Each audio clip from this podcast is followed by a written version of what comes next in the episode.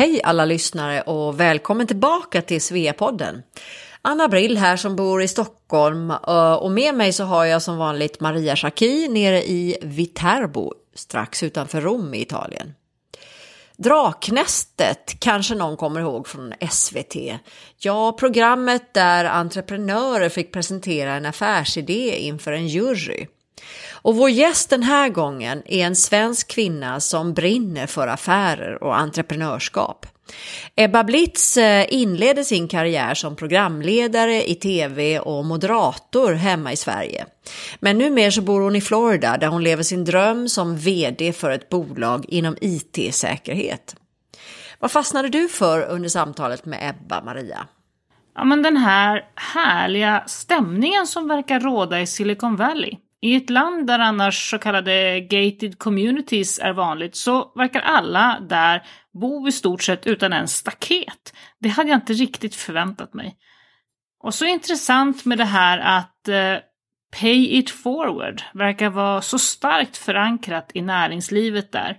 Och för er som inte hört talas om det konceptet tidigare så berättar Ebba i avsnittet och jag måste säga att det är en tanke som vi alla behöver ta till oss även i privatlivet. Ja, och så, som bo, tidigare boende i New York så måste jag ändå säga att Eh, jag saknar lite grann amerikanernas utvecklade sociala öppenhet och inkludering här hemma i Sverige. Det är fortfarande lite annorlunda här och att börja till exempel börja prata med en främling i kassakön på ICA, då kan man ju fortfarande uppfattas som lite konstig. Ja, det är synd faktiskt tycker jag. Jag tror att vi eh, alla vinner på att dela med oss till varandra och vara mer öppna. Det gynnar ju ändå dig själv i slutändan. Och Eh, men Maria, hur går det med vaccineringarna nere hos dig? Här hemma har ju nu tre län börjat vaccinera dem under 60. Stora framsteg faktiskt. Har du fått vaccin ännu? Nej, inte än. Men det närmar sig tror jag. Min sambo som är lite äldre än jag har ju fått tid nästa vecka och det öppnar nya vaccinationsställen varje dag. Så med lite tur har jag först fått eh, första sprutan åtminstone innan sommaren. Annars njuter jag av att vi nu sedan två veckor tillbaka är av med kommunarresten för den här gången. Vi får äntligen åka ner till sjön igen, det är så skönt. Och häromdagen var vi också ute på en eh, utflykt i trakterna. Vi har så mycket intressanta sevärdheter här. Visste du att bara några kilometer från oss var Gustav VI Adolf och grävde fram sina etruskiska fynd? Nej men vad spännande. Eh, ja, det skulle ju vara kul att åka ner till Italien här framöver. Man kan faktiskt få lite smakprov på Italien just nu på SVT. Där sänds ju den klassiska Solens mat med Bo Hagström i repris just nu. Och i tredje säsongens första avsnitt hälsar han faktiskt på en Svea. Allas vår Barbro, som ju är en av initiativtagarna till onlinebokklubben EMA över avdelningsgränserna. Information om bokklubben finns som vanligt på svea.org. Men eh, nu tycker jag vi släpper lös Ebba Blitz, en varm och inspirerande affärskvinna i Florida.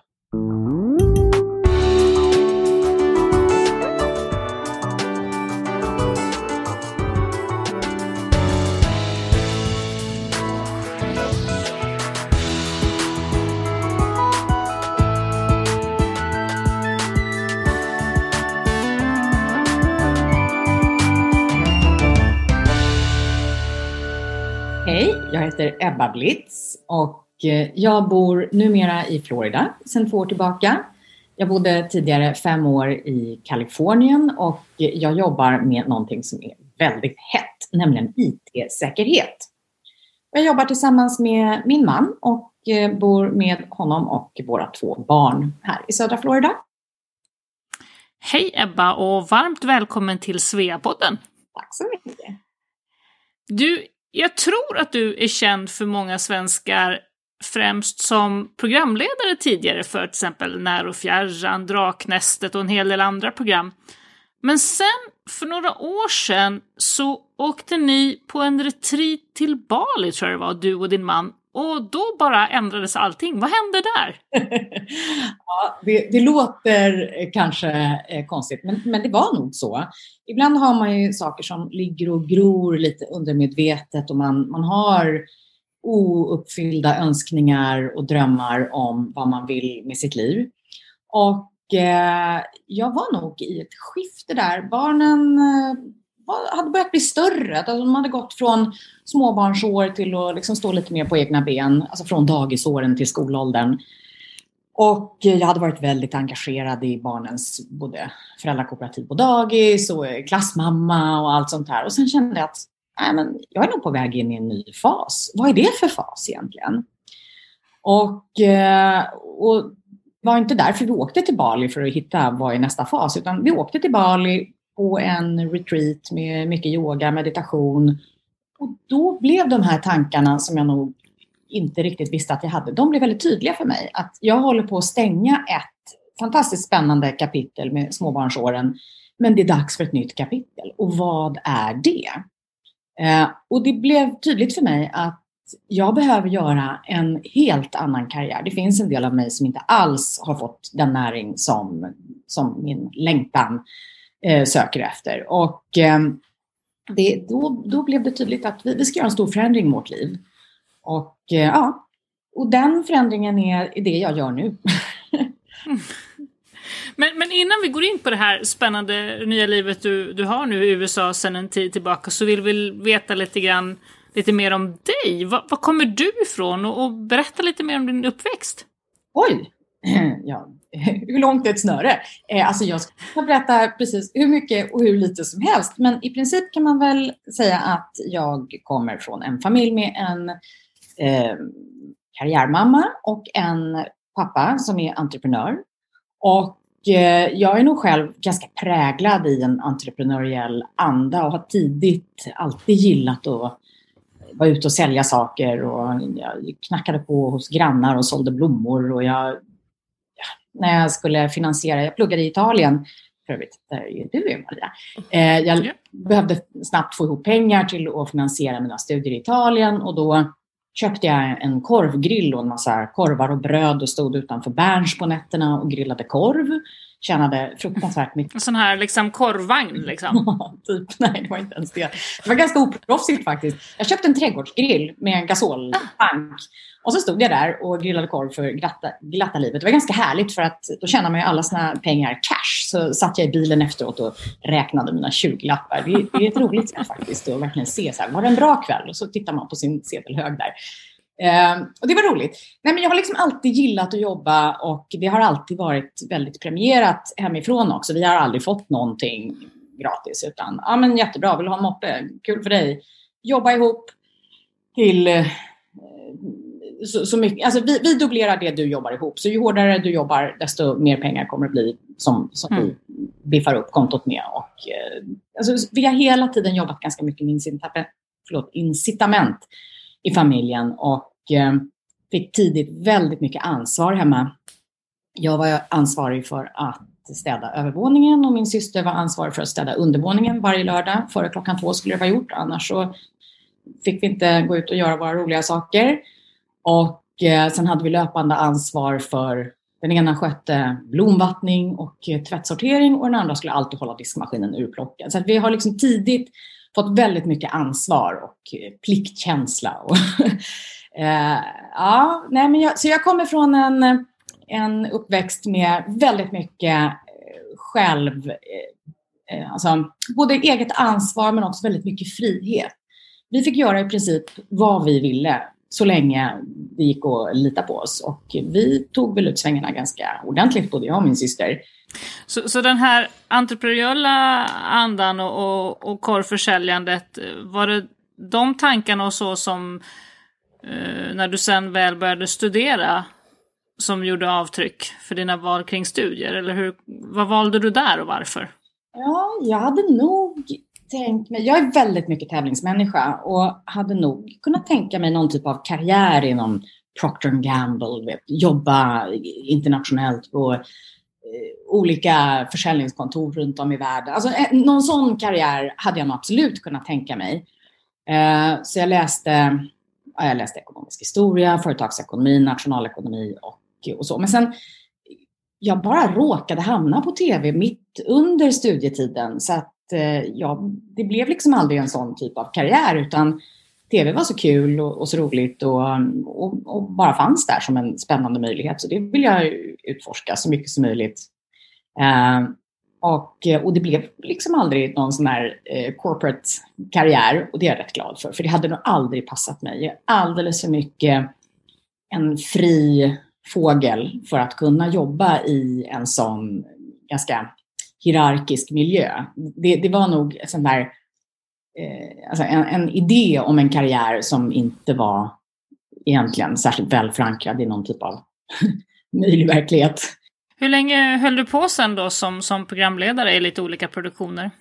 Hur länge höll det i sig? Jag jobbade för TV4 i 15 år, tror jag. Mm. Och, eh, och sen tog jag en lång paus från TV när jag fick barn och, och sen i och för sig då när mitt andra barn, jag minns att jag ammade henne där i pauserna när vi spelade in Draknästet.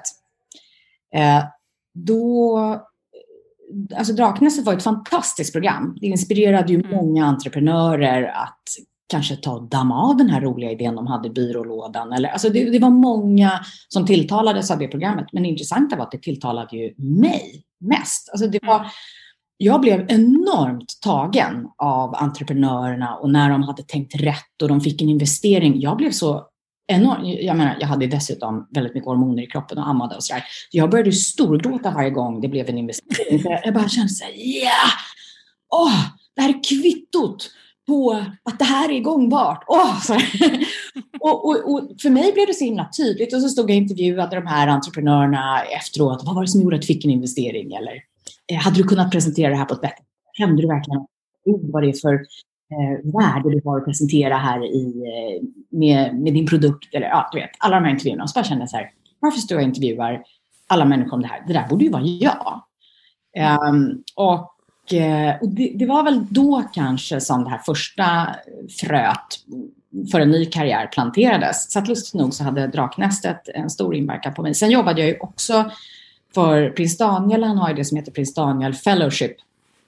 Där vi åkte runt, jag var moderator då, eh, tillsammans med Spotify-grundarna och Niklas Sennström från Skype och massa jätteduktiga svenska entreprenörer och så föreläste vi för gymnasie och universitetsstudenter om eh, de här entreprenörernas olika resor och hur vikten av att misslyckas och lära sig och borsta av sig och mm. vidare och så vidare.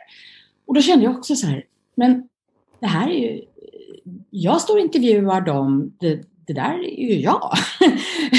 Eh, så återigen så var det hela tiden som att ödet bara tryckte mig mot jag bara, du måste ju stå öga mot öga med dig själv. Eh, det här är ju du. Och, eh, och sen då eh, åkte vi som sagt till Bali på den här retreaten som ändå var inplanerad. Och då blev det så tydligt att jag har haft ett jätteroligt liv som både moderator och programledare. Eh, och det var toppen. Men det finns ett oskrivet kapitel i mitt liv.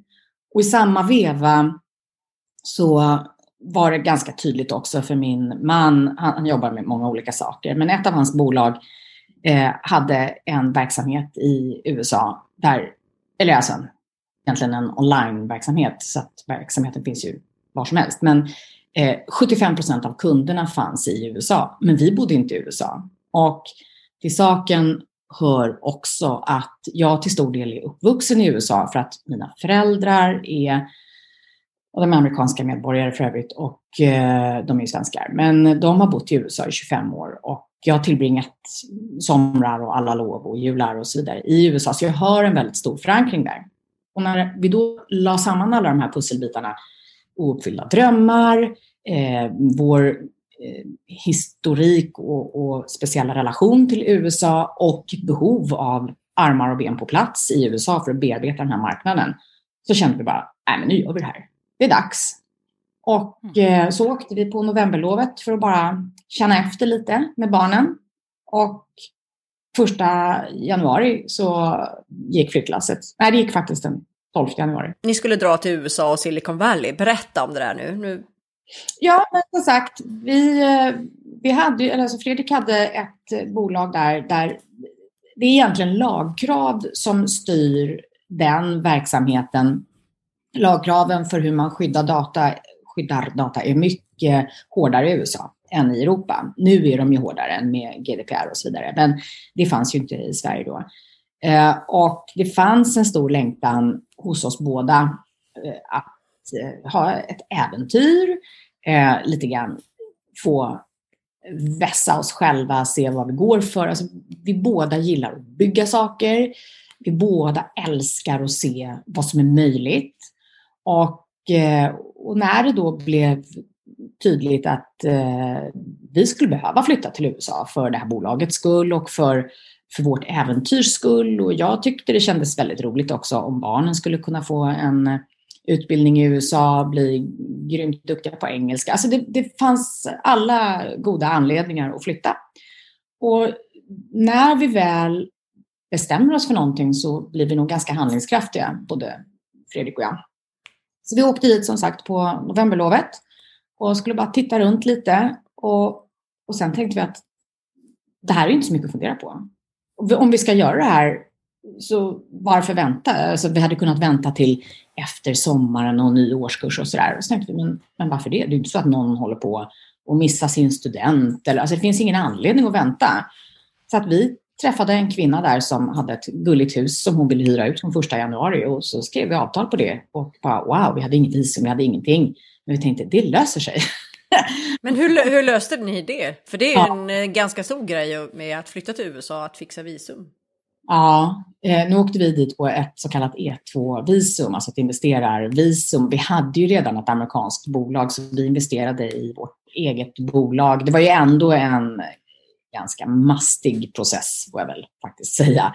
Eh, det, Eh, jag vet inte hur många kilo papper vi har producerat. I, eh, alltså det gäller att ha en bra advokat och eh, att man är administrativt lämpad att hålla på med det där. Och det kan jag säga att det lämnar jag med varm hand till Fredrik. Jag har verkligen avskyr papper. Men i alla fall.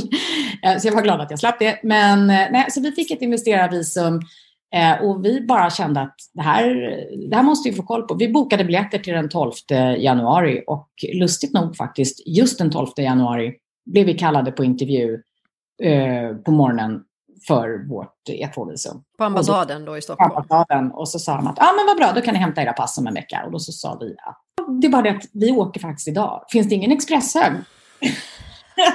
och så, till slut så sa de så okej, hämta dem efter lunch då. och så hade vi packat ihop allting och så åkte vi ut på skrikande däck ut till Arlanda och parkerade bilen på långtidsparkering. och så kom vi inte tillbaka förrän på sommaren. Ja, det gick lite snabbt i vändningarna där och eh, ja. Och hur, hur, hur, löste ni det då med barnen och skolor och allting? Hur, hur funkar det? Nej, men vi bara visste att det skulle lösa sig. Vi fick in ett barn på den skolan vi ville ha barnen i. Och eh, då tänkte vi, äh, men då kommer vi nog kunna få in det andra. Får man bara in foten så blir det nog... Mm. Och en vecka senare hade vi fått in andra barnet. Och det var privatskola eller? Nej, det var kommunal skola. Alltså skolorna i Palo Alto, det här, det här är ju då i hjärtat av Silicon Valley. Skolorna, privat, eller vad säger uh, public schools i Palo Alto, det är bland de bästa i USA. Det är också en anledning att bo där och det driver upp fastighetspriserna och så vidare. Därför att eh, public schools är väldigt, väldigt bra där. Uh, så när vi bodde där så hade vi dem i um, ja, vanliga... Och hur var, hur var det för dem då att komma in där i den amerikanska skolan? Det var nog lättare för vår yngsta tjej. Hon kunde ju inte ett ord engelska. Hur gamla var de när ni kom dit? Vår yngsta flicka var sex och vår äldsta flicka var elva. Och det är ju lättare att flytta när man är liten. Mm. Ehm, vår 11-åring, hon hade ju svenska kompisar och hade liksom etablerat ett liv i Sverige. Och det är ju, det är ju en svårare process. Jag tror att kanske generellt, i den mån man har möjligheten att, att välja tidpunkt för en, en flytt med barn, så kanske man ska flytta när de är lite yngre. Jag skulle kanske tro att det går någon sorts osynlig gräns där vid 9-10 års åldern. Men när man är 11-12 då är man ganska mycket en egen, egen individ redan.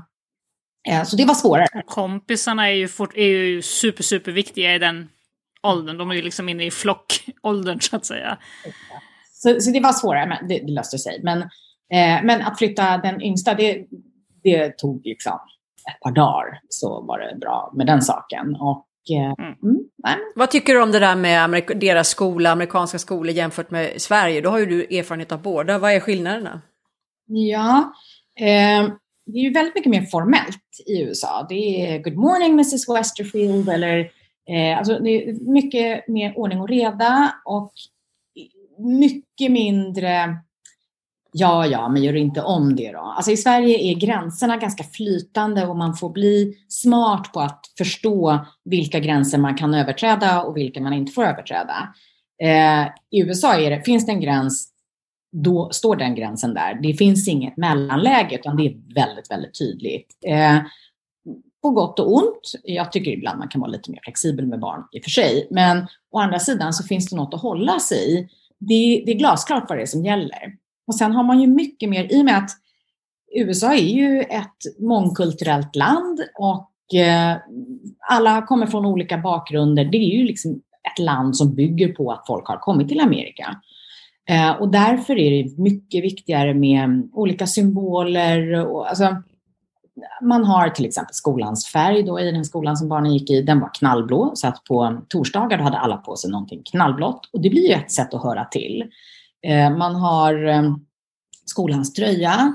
Eh, varje tisdag morgon så säger man the pledge of allegiance to the American flag eller man, man sjunger tillsammans. Alltså det finns väldigt mycket förenande symboler, aktiviteter. Saker Firar att vara amerikaner helt enkelt i skolan? Ja, absolut. Och det gör ju att det finns något att hålla sig i. Så kommer man då som, som våra barn utifrån ja, men ta på dig den där blåa tröjan, då är du redan lite med. Och lär dig att sjunga den här sången eller göra de här grejerna som man gör, så är man lite med. Eh, I Sverige så har vi ju jättegulliga traditioner, Lucia-tåg och så vidare, eh, där det kan finnas en möjlighet att kugga in i någonting. Man lär sig hur man är en liten tärna eller stjärngosse, vilka sånger man sjunger, så finns det ju en gemenskap i den kören och det tillfället. Eh, och det är väldigt, väldigt viktigt för barn att, att, ha det här och det tycker jag verkligen att man ska värna. Men vi har ju det, ja det är ju i princip Lucia. Vad har är det mer på? Ja, men vi har ju midsommar, då vet man ju att man ska sjunga och dansa Små grodorna och så vidare. Men du menar liksom att, att de här normerna i Sverige är mycket mer flytande och därför är det svårare att integrera sig? Är det så du menar? Jag, jag tror att det är svårare faktiskt att integreras i Sverige allting är så det är lite relativt. Ja, men I princip så får du inte göra så här, men, men okej, för den här gången då. Det blir svårt för barn, tror jag. Mm. Eh, och det jag menar är det här med att vi har Lucia-tåg och midsommarfirande. Det är jättebra saker, men i USA har man det under hela året. Varje tisdag så har du någonting som förenar, eller varje, eh, varje basketmatch. Så, alltså, det finns hela tiden en, en spirit som är bra att det, det, är liksom lättare för barn att hugga in i det. Och, och jag tror det hjälper barnen. De har ju väldigt mycket rutiner och ritualer som du säger, liksom i, i skolor och samhälle på det sättet. Men vad har du för, eller ni, för rutiner hemma i, i familjen? Vad är viktigt för dig som förälder att ge till dina barn? Du pratade ju förut om det här med dina föräldrar och städa övervåningen, undervåningen och diskmaskinen och så vidare. Hur, hur mycket av det här har du tagit med dig i ditt föräldraskap? Ja, där är man ju då tyvärr eh, resultatet av den här pendelrörelsen. Jag är en total eh, liksom, softie med mina egna barn. Jag är alldeles för... Eh, ja, usch. Eh, det är ju inte bra. Jag, jag försöker... Eh, jag har nog lite mer att... Jag, jag, tycker de bara ska hjälpa till, men det är inte så här att det här måste vara gjort före klockan två, annars får du inte din veckopeng. Utan jag bara förväntar mig att de ska hjälpa till att plocka ur diskmaskinen när jag ber dem eller, eller så. Men det blir nog rätt mycket att jag plockar ur diskmaskinen själv faktiskt. uh, ja, nej, men uh, jag har lite att jobba på där tror jag. Men, men har, har ni andra ritualer, jag tänker i veckan och sådär? I dagens samhälle så är det ju så lätt i många moderna familjer att det flyter lite grann, att alla har sina olika scheman och man samlas liksom inte riktigt. Hur, hur har ni löst det i er familj? Någonting som är oerhört centralt i vår familj, det är måltider. Vi är besatta av mat, skulle jag nästan säga. Det är ungefär det första vi pratar om på morgonen. Vad ska vi äta till middag? Och eh, vi, vi har kring vårt, vårt eh, köksbord så har vi matstolar med armstöd. Eh, det låter kanske inte som någon big deal, men det är faktiskt det. När vi har ätit färdigt maten, då sitter vi kvar jättebekvämt och pratar och pratar och pratar. Våra måltider de pågår i minst en timme, ibland kanske en och en halv, två timmar. Eh, vi pratar väldigt, väldigt mycket. Eh, så det tycker jag, våra måltider är centrala och jag älskar när barnen lagar mat. Där, får, ja, men där tycker jag nog att jag är en hyfsat bra mamma ändå. Eh, jag ger dem mycket eh, frihet och säger till dem, nu, jag skulle vilja att du gör en yoghurtsås. Ha i de kryddor du känner för. Ja, och så börjar de experimentera lite. Ibland blir det bättre, ibland blir det sämre. Men enda sättet att lära sig att laga mat, det är ju att pröva. Och mm. eh, de, de, är ganska, sen har vi eh, vår äldsta flicka, hon är vegetarian, så hon är ganska ansvarig också för en stor del av sin egen mat. För det tycker jag är viktigt. Fattar man ett sådant beslut, då får man också ta konsekvenserna av det. Jag kan inte hålla på och laga massa olika grejer. Hur gammal är hon då? Hon är 17. Eh, mm. ja, så att hon är ganska stor. Eh, och det har gjort att hon är riktigt vass på att laga mat. Det är vår yngsta tjej som är 12, hon blir 13 här nu, eh, snart tonåring också. Eh, hon är väldigt road av matlagning. Vi släpper lös dem. Liksom, Bra, nu får du ta och steka på den här. Eller eh, liksom, vad ska vi äta idag tycker ni? Alltså, de, de, är bra. Stick och handla det och dra igång. Jag sticker ut med hunden så länge och så, så dukar jag sen. Alltså, de får rätt långa tyglar i köket. Självständighet. Ja. Självständighet är bra där. Å andra sidan tror jag inte det är jättemånga som lyssnar på det här som känner igen att man sitter ner och pratar med sina tonårsbarn en och en halv timme till middag varje kväll. Så det, det låter ju väldigt roligt och speciellt. Det är rätt mysigt och det kanske är en konsekvens av att vi har flyttat. För vi bodde ju fem år i Kalifornien mm, och så flyttade vi till Florida då för snart två år sedan. Och när man är ny på en plats, man inte har alla kompisar och så vidare, då blir man ganska hänvisad till familjen. Och då kanske de inte har något eh, bättre alternativ än att sitta och prata med oss. och sen har det liksom blivit en vana. Eh, och, och sen är det nog en sak också, amerikanska barn har ganska mycket läxor. Så det här med att leka med kompisar på vardagskvällar, det är inte en stor sak här. Utan eh, de flesta är hemma hos sig själva. Alltså, det är självklart, ibland har vi kompisar här som äter middag, men det hör nog till ovanligheterna. Så de har inte så jättemycket mer intressanta alternativ. Ja, det skulle vara telefonerna då, men ja, nej. Eh, jag tror att eh, det är nog faktiskt en, en fin bonus, eh, eh, vad ska man säga, ja, jag har inget bra ord här, men en, en fin bonus helt enkelt med att vi har flyttat runt. Det är att de, har, de, har, de får stå ut med oss som sällskap och det blir ganska trevligt. Men du, eh, tillbaka till det här med Silicon Valley. Så ni bodde där då i Palo Alto, mitt bland allt eh, Google och Apple och alltihopa. Eh, mm. hur var det och vad är det du gillar med Silicon Valley? Jag älskar Palo Alto. det är världens härligaste stad. Den är så otroligt opretentiös. Alltså vi bodde granne två kvarter bort, bodde Tim Cook, Apples eh, VD. Han eh, bor liksom utan staket eller murar och skydd och sådär och ute och bor med sin hund. Och vi hade ju inte hund på den tiden men vi älskade att ta promenad och dofta massa rosor. Och, ja, det är så himla fint. Jag brukar kalla Palo Alto för Pleasantville. Ingen har ju murar och, och så. I och för sig Mark Zuckerberg som bodde en bit bort, han hade bilar med vakter som satt utanför. Men Hans hus var kanske det enda som var så här riktigt inhägnat. Men, men annars så, liksom, det är inte vräkigt, det är inte liksom Rolls Royce och Bentley och Lamborghini som man kanske skulle kunna tro att många techmiljardärer skulle kunna köpa givetvis. Men det finns liksom inte det intresset utan folk är väldigt så här, miljömedvetna och cyklar runt eller åker runt i sin Prius elbil. och, och vad, gjorde, vad gjorde du då när du kom dit? Började du jobba i din mans företag direkt eller? Ja, ja eh, det gjorde jag direkt. Och eh, eh, ja, vi hade en svensk vd, men efter ett tag så ja, han började på ett annat bolag och, och, jag kände att det var ganska kul att jobba lite mer eh, liksom i, i säljrollen. Alltså vdns roll är egentligen att bara sälja.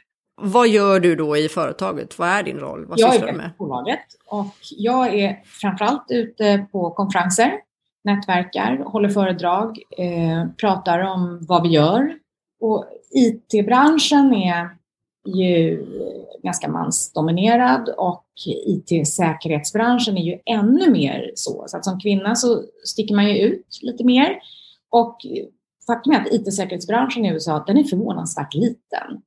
Det är väldigt, eh, väldigt tajta nätverk och lyckas man nästla sig in där så, eh, så leder den ena kontakten till den andra på ett ganska spännande sätt. Och man är väldigt nyfiken i USA på nya bolag, nya teknologier. Eh, det finns ett, lite grann en, vad ska man säga, mentalitetsskillnad mellan eh, europeiska bolag tror jag och amerikanska bolag.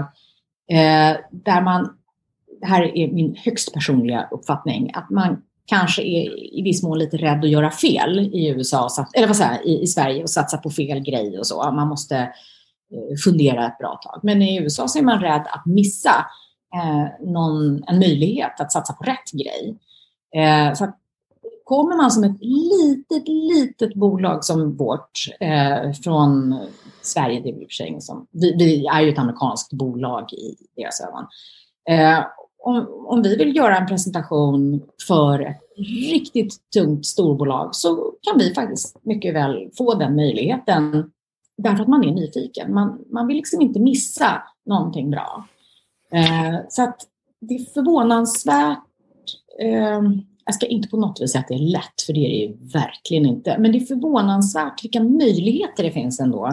Är det inte så i Sverige menar du? Alltså jag kan faktiskt egentligen inte svara på det om jag ska vara helt ärlig. Jag, tänker efter. Eh, jag tror för min egen del så hade jag ju aldrig kunnat göra det jobb jag gör här. Hade jag, ju aldrig, jag hade ju aldrig blivit tagen på allvar Varför Sverige. inte då? Varför inte då? Min bakgrund eh, så, som är ju från en helt annan bransch så tror jag att det skulle vara väldigt svårt att se mig som någon sorts auktoritet inom IT-säkerhet. Men om jag tänker tvärtom då, den bakgrunden du hade då med både programledare och moderator och så vidare. Hur, jag tänker du måste ha stor nytta av det när du står och gör de här liksom, presentationerna och pitcherna och att, att kunna, Enormt. till skillnad från kanske många andra vd faktiskt leverera själva Absolut. pitchen på ett annat sätt helt klart, att leverera under press och att göra lite mer, vad ska jag säga, underhållning av det. Alltså eh, att förstå sin publik, att publiken mm. är också människor. Alltså, jag, jag har faktiskt tyckt att det är väldigt, väldigt roligt att göra eh, presentationer på konferenser och, och vara föredragande. Eh, och jag, jag, tror att min bakgrund att försöka, alltså som journalist så försöker man ju förenkla komplicerade eh, frågor, göra dem tillgängliga, lättförståeliga och liksom koka ner vad, vad är verkligen kärnan i mitt budskap här. Det är en enormt bra bakgrund, helt klart.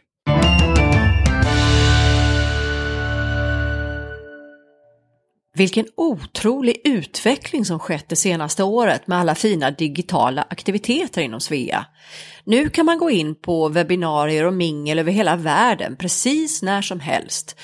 Både hos lokalavdelningar men också internationellt. Svea International arrangerar massor med fina föreläsningar online som du kan hitta på hemsidan svea.org. Bara i år har vi haft ett 25-tal webbinarier med ämnen som hälsa, böcker, personlig utveckling med mera. Som medlem i Svea så får du bjuda med en väninna gratis på föreläsningarna. Ett kul sätt att prova på vår fina organisation. Och så podden, som du ju lyssnar på nu. Sveapodden intervjuar svenska kvinnor som bor eller har bott utomlands och hittills har vi hunnit med ett 20-tal avsnitt.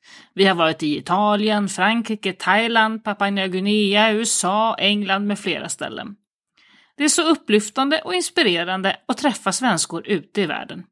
Sveapodden hittar du på vår hemsida svea.org och du kan lyssna direkt därifrån, men vi finns också på Spotify, Apple Podcast, Google Podcast, Acast och med flera poddställen. Men eh, visst känner du någon Svea som inte kommit igång med det digitala ännu? Anamma tanken om pay it forward, ett amerikanskt uttryck som betyder skicka vidare. Om du har fått hjälp av någon så hjälper du en tredje person i din tur.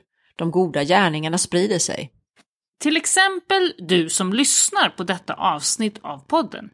Hjälp en Svea att komma igång med att lyssna på poddar.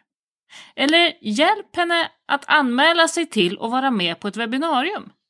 Du som lyssnar på detta vet ju att det är betydligt enklare än man tror, men också något som många behöver lite stöd med.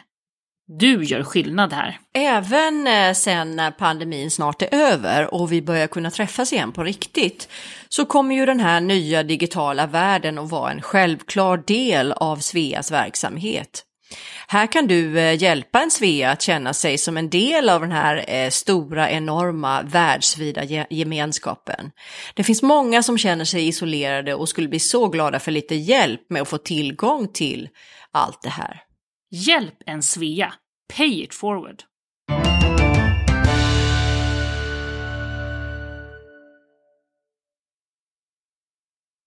Men det var jätteintressant tycker jag det där du sa med att jag skulle aldrig kunna fått det här jobbet i Sverige. Nu jobbar ju du i ert gemensamma företag så det är lite annorlunda. Men tror du att man har en större flexibilitet i USA eh, mot människor och ger folk mer chansen? Ja, det tror jag. Det finns ju en social rörlighet och det finns en rörlighet på arbetsmarknaden. Det finns liksom en, en rörlighet och dynamik överhuvudtaget i det amerikanska samhället som är jättespännande. Eh, man kan titta på folks eh, profiler på LinkedIn och se att oj, här är en före detta militär som sen började jobba med eh, försäljning och IT-säkerhet. Alltså, folk... Varför är de sådana tror du? Och varför är inte vi så i Sverige? Jag tror att man är sån, eh, alltså att man har den här flexibiliteten av, eh, av nödvändighet. Eh, du tvingas byta karriär lite då och då i livet i USA därför att det, det är ingen som tar hand om dig utan man får vara anpassningsbar och känna vart vindarna blåser och man är sin egen lyckas med i USA och då måste man vara mycket anpassningsbar. Eh, och sen tror jag att det ligger också i den här nybyggarandan att man får ta det, eh, det som eh, bjuds och eh, och göra det bästa av sin situation. Det, det tror jag liksom ligger i amerikanens natur.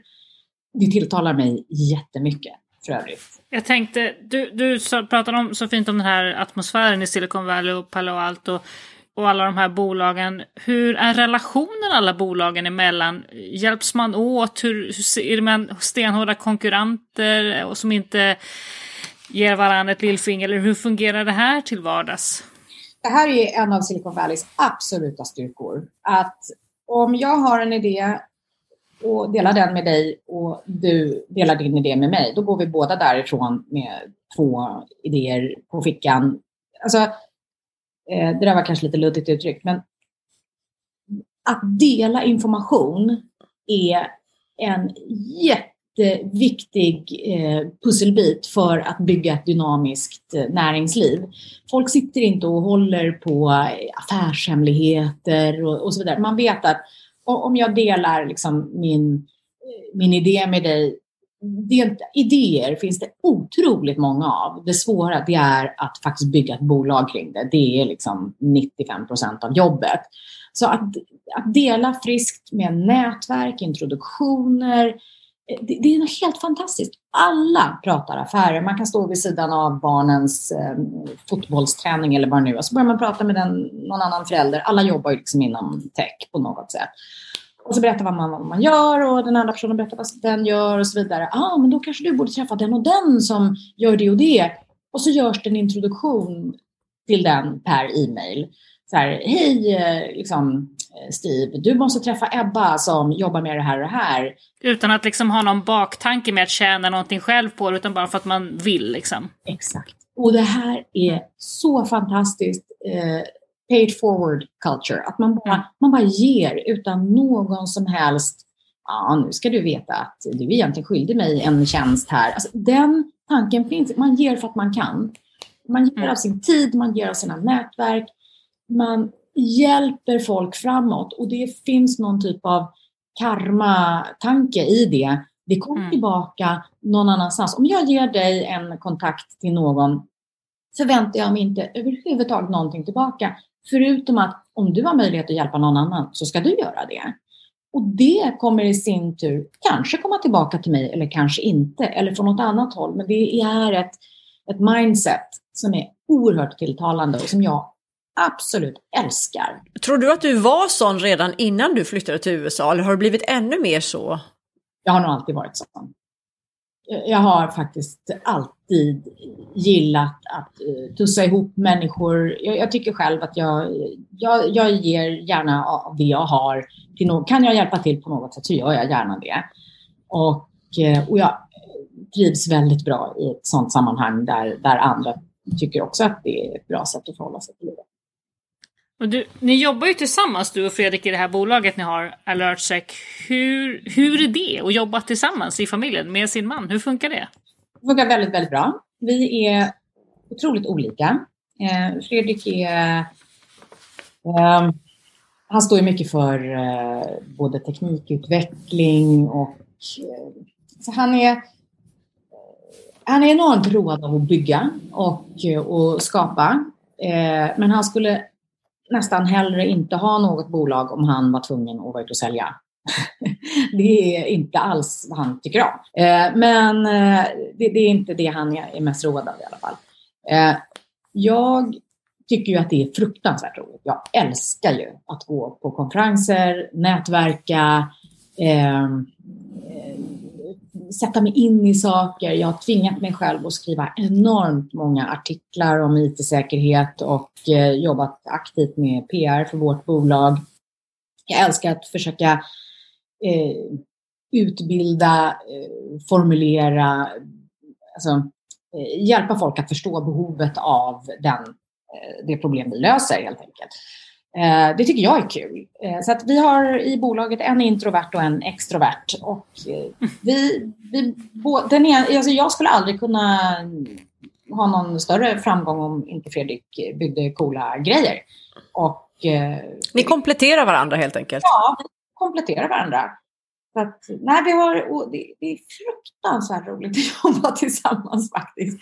Och många säger så här, ja men får inte det här liksom, det spiller över på ert privatliv och blir det inte svårt att liksom eh, pratar ni affärer eh, innan ni ska somna? Och så där.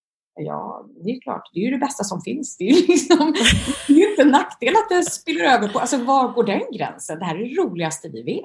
Men du, nu har ju ni bott i USA sedan, var det 2014? Ja, precis i början av januari 2015. To tiden går ju. Och inte... Eh, då undrar vi så här, hur känns det nu liksom? Nu har du ändå bott där i USA ett bra tag. Vad är det bästa med USA för dig? Det bästa är nog det här att det är ett så välkomnande nybyggarsamhälle. Ehm, det är lätt att få vänner, det är okomplicerat, man blir hembjuden utan att knappt känna varandra och man bjuder gärna tillbaka. Man behöver inte göra en trerättersmiddag med strukna linneservetter utan liksom, nej, men nu tar vi en, eh, liksom, jag vet inte, vi dricker öl ur flaska på vår, i trädgården och eh, doppar lite chips i guacamole. Alltså det, det är väldigt enkelt och sen älskar jag att eh, amerikaner, de, de har ju ganska tidiga kvällar, alla jobbar ju mycket. Så att har man en fest så liksom klockan tio är det släckt och färdigstädat. Det passar mig väldigt bra. Jag är en morgonmänniska. Jag går upp alltid väldigt tidigt och vill gärna lägga mig tidigt. Um, nej, men jag, jag, gillar också det här att man hjälper varandra. Um, är, är det någon man har talas om på gatan, man är ute och går med hunden och någon ska in på operation eller någonting, ja, men då kanske någon annan har dykt upp där med lite färdiglagad mat till dess att den kommer hem från sjukhuset. Alltså det finns den här... Större, mer kontakt mellan folk, mer kontakt. Ja, mer, men alltså det här att man, man, ser, om man ser efter varandra. Det finns inte den här känslan av att det här tar samhället hand om. Utan amerikanska samhället bygger på att du är snäll mot folk, för då är folk snälla mot dig. Och det tycker mm. jag är jättegulligt. Mm. Men vad saknar du hemifrån Sverige då? Jag saknar vitsippor, eh, blåsippor, långfärdsskridskoisar, eh, längdåkning. Jag saknar fantastiskt mycket mina vänner förstås, familjen. Eh, ja, men Sverige är ju, jag är ju svensk. eh, ja, men just nu, nu är det ju slutet av april här och eh, en väninna till mig, hon vet hur mycket jag älskar vitsippor så hon gick ut i skogen häromdagen och så tog hon en liten videosekvens och man hör koltrasten. Då kan jag känna, nej, vad gör jag här? Jag vill ju vara här. ja, nej, men sen mina tjejkompisar saknar jag förstås jättemycket. Min mm. Mina föräldrar är, de bor i Sverige så att eh, de, vi träffas på somrarna i Sverige men annars träffas vi på andra ställen. Eh, ja, nej men eh, familj och vänner och naturen, det saknar jag. Mm. Men du, Florida är ju inte så dumt det heller och eh, du flyttade ju ni dit, eh, var det för två år sedan? Mm. Ja, snart två år sedan. Ja. Och eh, varför gjorde ni det?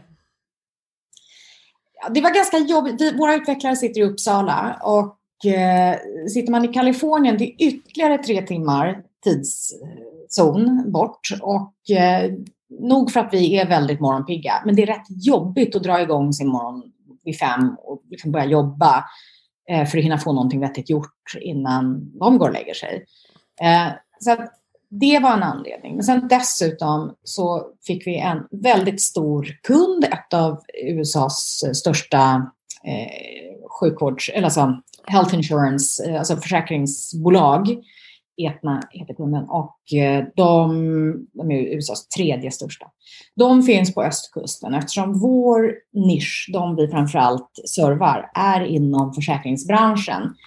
Eh, så är det mer rimligt att vi bor på östkusten. Försäkringsbolag är ganska gamla bolag och USA har ju, man tänker inte på det här, men USA är ett så ungt land.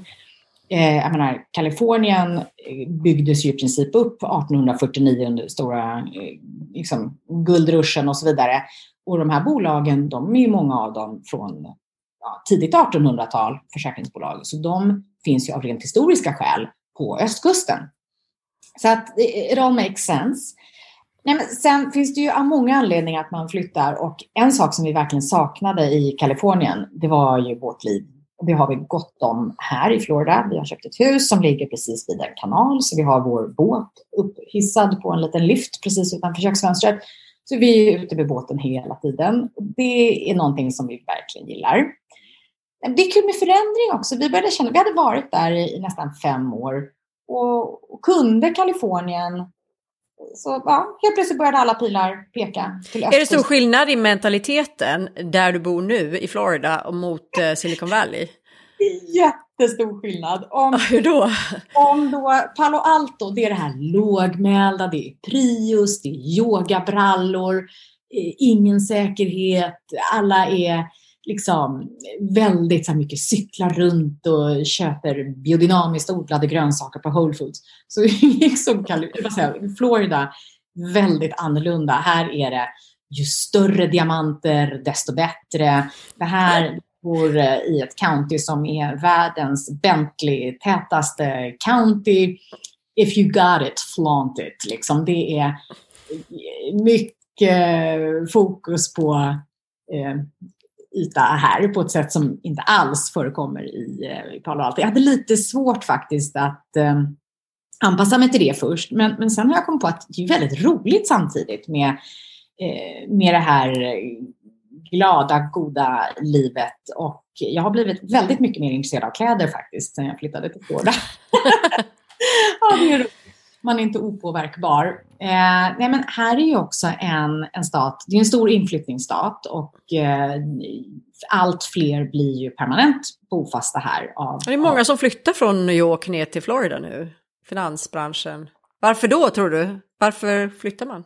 Ja, man flyttar av skatteskäl eh, därför att man har försämrade avdragsmöjligheter. Eh, alltså fastighetsskatten som är väldigt kännbar kunde man till stor del dra av mot eh, inkomster på den federala skatten. Det har ändrats och här i Florida betalar vi ju fastighetsskatt också givetvis. Den är lika hög här som i eh, New York och New Jersey och så. Men vi har ingen delstatlig inkomstskatt.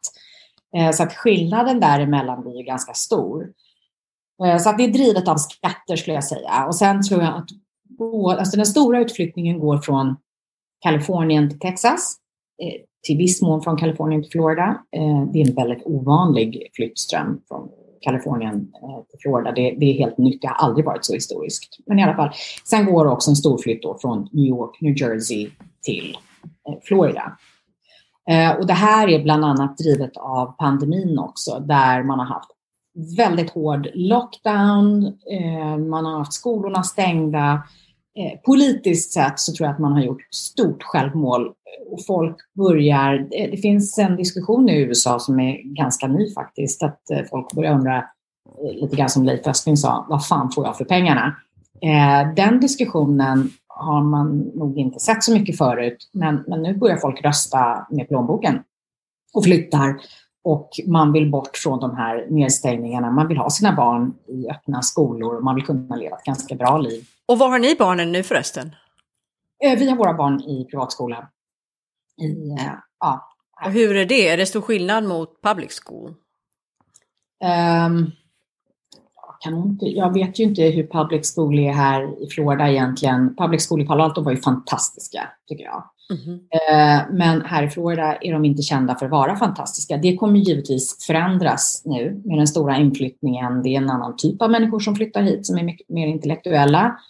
Eh, och eh, i takt med att fastighetspriserna går upp så blir förstås också den lokala fastighetsskatten, skatteintäkten blir mycket större och det är ju lokala skatten som till väldigt stor del finansierar skolorna. Just det.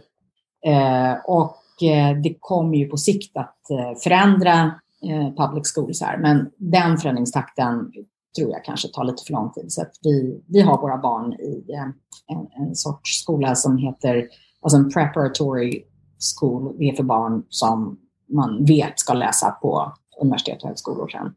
Eh, och det tror vi att våra barn kommer göra. Eh, och därför så har vi dem i sådana skolor och eh, det funkar bra för dem. Ja, vad har du för kompisar egentligen där i Florida? Är det mest amerikan eller eh, har du några väninnor? Det är ganska blandat faktiskt. Jag har eh, både svenska och amerikanska vänner. Jag har mycket mer amerikanska vänner här i Florida än vad jag hade i eh, Palo Alto faktiskt. Därför att i, i Palo Alto det är en lite svår plats att bo på. Eh, kostnaden för att bo där är väldigt eh, hög. Så att de som inte överlever där, alltså från bolag som inte blir framgångsrika, de kan inte stanna. Så det är väldig omsättning på folk. Man får hela tiden. Mm skaffa nya vänner för de gamla vännerna ja, de har precis flyttat och sådär. Så vi blev ganska stränga eh, när vi bodde där. Vi sa att vi umgås bara med folk som har köpt hus eller har green card. Eh, för annars, det är liksom ingen idé, folk bara flyttar sen. Eh, och det, det blev liksom att vårt umgänge där, det blev ganska mycket bara svenskar. För svenskar kan man lita på, de har man trevligt med. Här i Florida... Såklart! ja, det är faktiskt väldigt mysigt. Eh, här i Florida har jag en massa svenska vänner också. Jag tycker det är jättekul. Jag är med i Svenska kyrkans kör och där har jag träffat massa gulliga människor. Eh, men, eh, men här är också folk mycket mer permanenta. Det här är inte alls på samma sätt en genomfartsstat eller ett genomfartsboende där man stannar om man lyckas eller inte, utan folk rotar sig här. Eh, så att jag har mycket mer amerikanska vänner och eh, väldigt roligt faktiskt. Eh, och, jag tror att vi också har gått in i en ny fas där vi känner att nej, men vi kommer nog bo här ett tag. Ehm, ja, det, var lika bra att vi skaffade lite lokala vänner. Och vi har hund nu. genom hunden och mina hundpromenader så har jag fått massa roliga kompisar. Ja, precis. Ja, det är lite lustigt faktiskt. Mm. Nej, men det, vi har en blandning av svenska och amerikanska vänner och eh, jag, jag, trivs eh, väldigt bra med, med båda. Nu hade vi faktiskt party här för en vecka sedan och då bjöd vi in både svenskar och amerikaner. Och då gäller det att man inte bjuder för många svenskar för då börjar alla bara prata svenska. Då blir det konstigt för amerikanerna. Så att vi försöker ha liksom lite mer övervikt på. Men firar ni eh, midsommar eller hur blir det med det? Ja, man blir ju mer svensk än någonsin när man bor utomlands. Vi är ju superfiriga. Vi firar ju liksom 6 juni på ett sätt som jag aldrig har firat i Sverige. Men här är det jätteviktigt. Och vi spelar brännboll och vi har julsång och så här sångstunder tillsammans och Lucia. Och, det finns alla högtider firas mer här. Påskluncherna här är mm. ju fantastiska och så vidare. Så vidare. Men du Ebba, nu, nu kommer vi till den här avdelningen här när vi vill ge råd till folk och våra lyssnare och oss själva här. Och vi undrar då, vad, vad har du för goda råd att dela ut? Vad ska man tänka på om man eh, sitter här och lyssnar på det här och vill flytta till USA? Vad är viktigt? Skaffa en bra advokat. Eh, okay. Ja, men alltså det, är, det är jätteviktigt. Att, gör man misstag i sina... Vi har ju green cards nu. Vi, vi kom hit på ett E2-visum och sen omvandlade vi det till ett green card. Eh, alltså, börjar man sin tillvaro i USA på fel fot, att man söker fel sorts visum och inte har en plan för hur, vad händer nu om allting funkar jättebra och vi verkligen trivs och vill stanna? Ja, hur omvandlar vi då vårt visum till ett green card till exempel? Den, den planen ska man ha ganska klar för sig och där ska man hålla en stark advokat i handen. Att tro att man ska göra en visumansökan själv, då, det hade inte funkat för mig i alla fall. Alltså, Men är det inte ganska svårt att få green card nu för tiden? Nu fick vi det på en speciell kvot. Eh, vi fick det sån national interest eh, visa därför att vi jobbar med någonting som är så pass viktigt, nämligen IT-säkerhet. Så det är Fredrik då framförallt som sitter på väldigt speciell kompetens. Och, eh, och av den anledningen så, så fick vi green card. Eh, och eh, jag tror att det ska man också ha tänkt igenom. Vad har man att erbjuda USA? Vad, alltså det, det är inte det är inte bara att flytta hit och hoppas att det funkar därför att det beror på vad man har för förutsättningar givetvis. Men om man flyttar med barn, familj och så vidare så är det så stora beslut, det är så många inblandade så att det måste finnas en vettig plan som kan funka. Eh, har man inte den planen helt glasklar så skulle jag nog inte våga göra det vi har gjort. Faktiskt. Mm. Eh, Därför att det är inte så kul att rota sig och, och skaffa hus och, och, kompisar till barn och, och sig själva för den delen också. Eh, och sen inte kunna stanna. Det, det blir mm. så, nej, man, ska, man ska ha en bra advokat och ett bra case helt enkelt. Mm. Tänka igenom mm. sin process. Sen vet jag att jag lyssnade på dig och då sa du i någon podd här att eh, vi pratade, du pratade om kvinnor och det här med att du sa att ja, men jag har alltid känt mig som en man. Och jag tänkte så här, har du något gott råd att dela ut till oss svenska kvinnor? Vad ska vi bli bättre på? Ja, ett bra valspråk är väl bättre lyss till den sträng som brast än aldrig spänna en båge. Alltså, mm. chansa lite. Fake it till you make it. Jag menar, jag gav mig ut på massa konferenser. Jag kommer ihåg att jag höll ett väldigt kort, eh, sån här, lite Shark Tank, alltså Draknästet, anförande eh, där jag skulle presentera vårt eget bolag. Jag gjorde det med egentligen kanske lite för lite på fötterna. Men jag tänkte, äh, men jag måste lära mig, jag måste lära mig eh, hur... Alltså, jag måste sticka ut hakan och våga och, och, snubbla och borsta av mig. Men om jag väntar på att vara perfekt och kunna allt inom det här området, då kommer jag aldrig komma någonstans. Eh, och, och sen har jag ju tvingat mig själv att sätta mig in i en massa saker genom att skriva massa artiklar. Och jag sitter, jag menar, i och med att jag jobbar så nära min man så sitter jag ju väldigt nära utvecklingsarbetet och har lärt mig otroligt mycket om IT-säkerhet. Um, man kan inte kunna allt. Ska man vänta på att man kan allt, då kommer det aldrig bli någonting.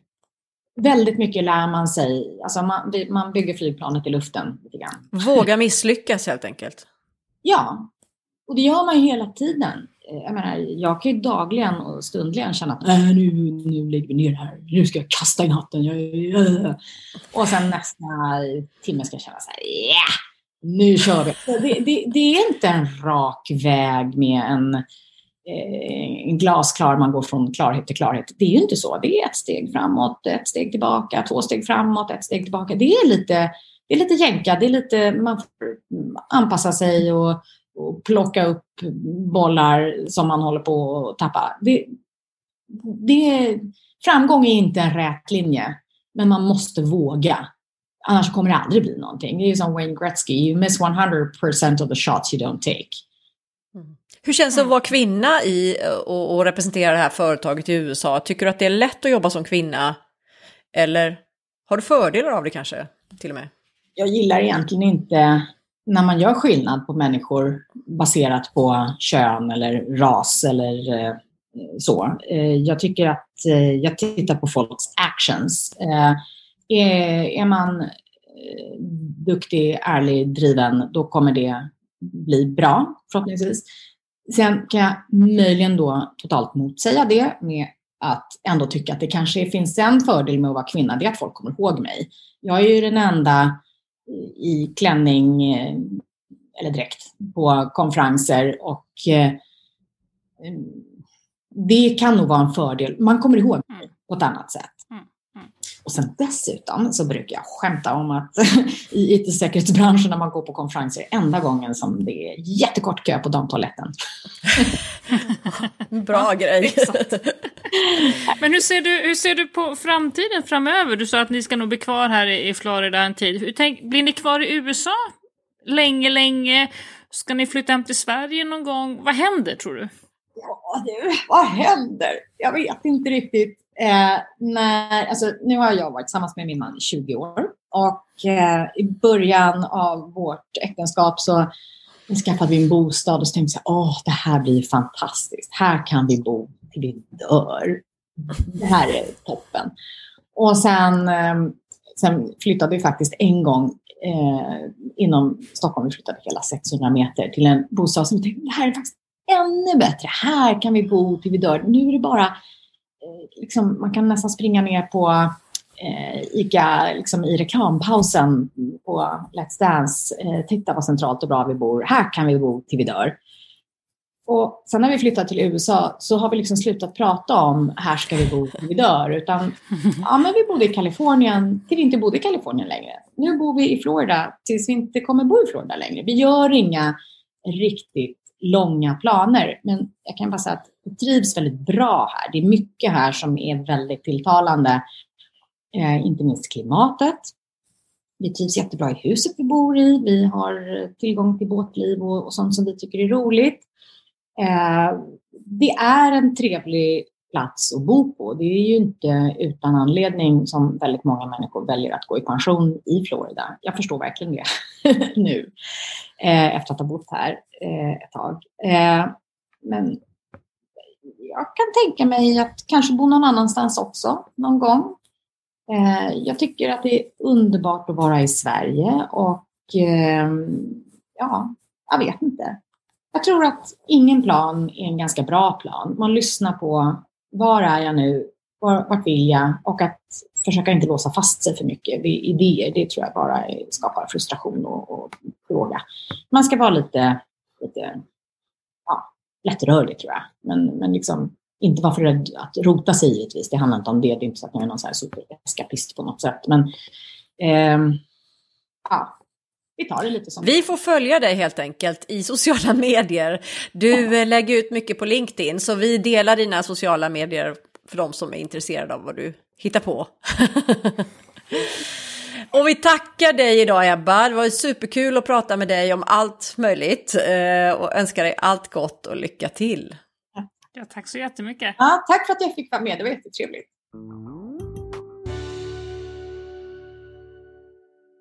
Tack för att du har lyssnat. Den här podden är inspelad och producerad för Svea International av Anna Brill och Maria Schacki. Musiken är skriven för Svea av Fredrik Åkerblom. Svea-podden finns nu på de allra flesta ställen där du hittar poddar. Eh, Apple Podcasts, Google Podcasts, Spotify, Acast och alla de här. Om du saknar något ställe, skicka ett mejl till oss på sveapodden gmail.com. Mer information om Svea hittar du på vår webbplats svea.org och i sociala medier där vi finns på Facebook, Instagram och LinkedIn och där hittar du oss som Svea International.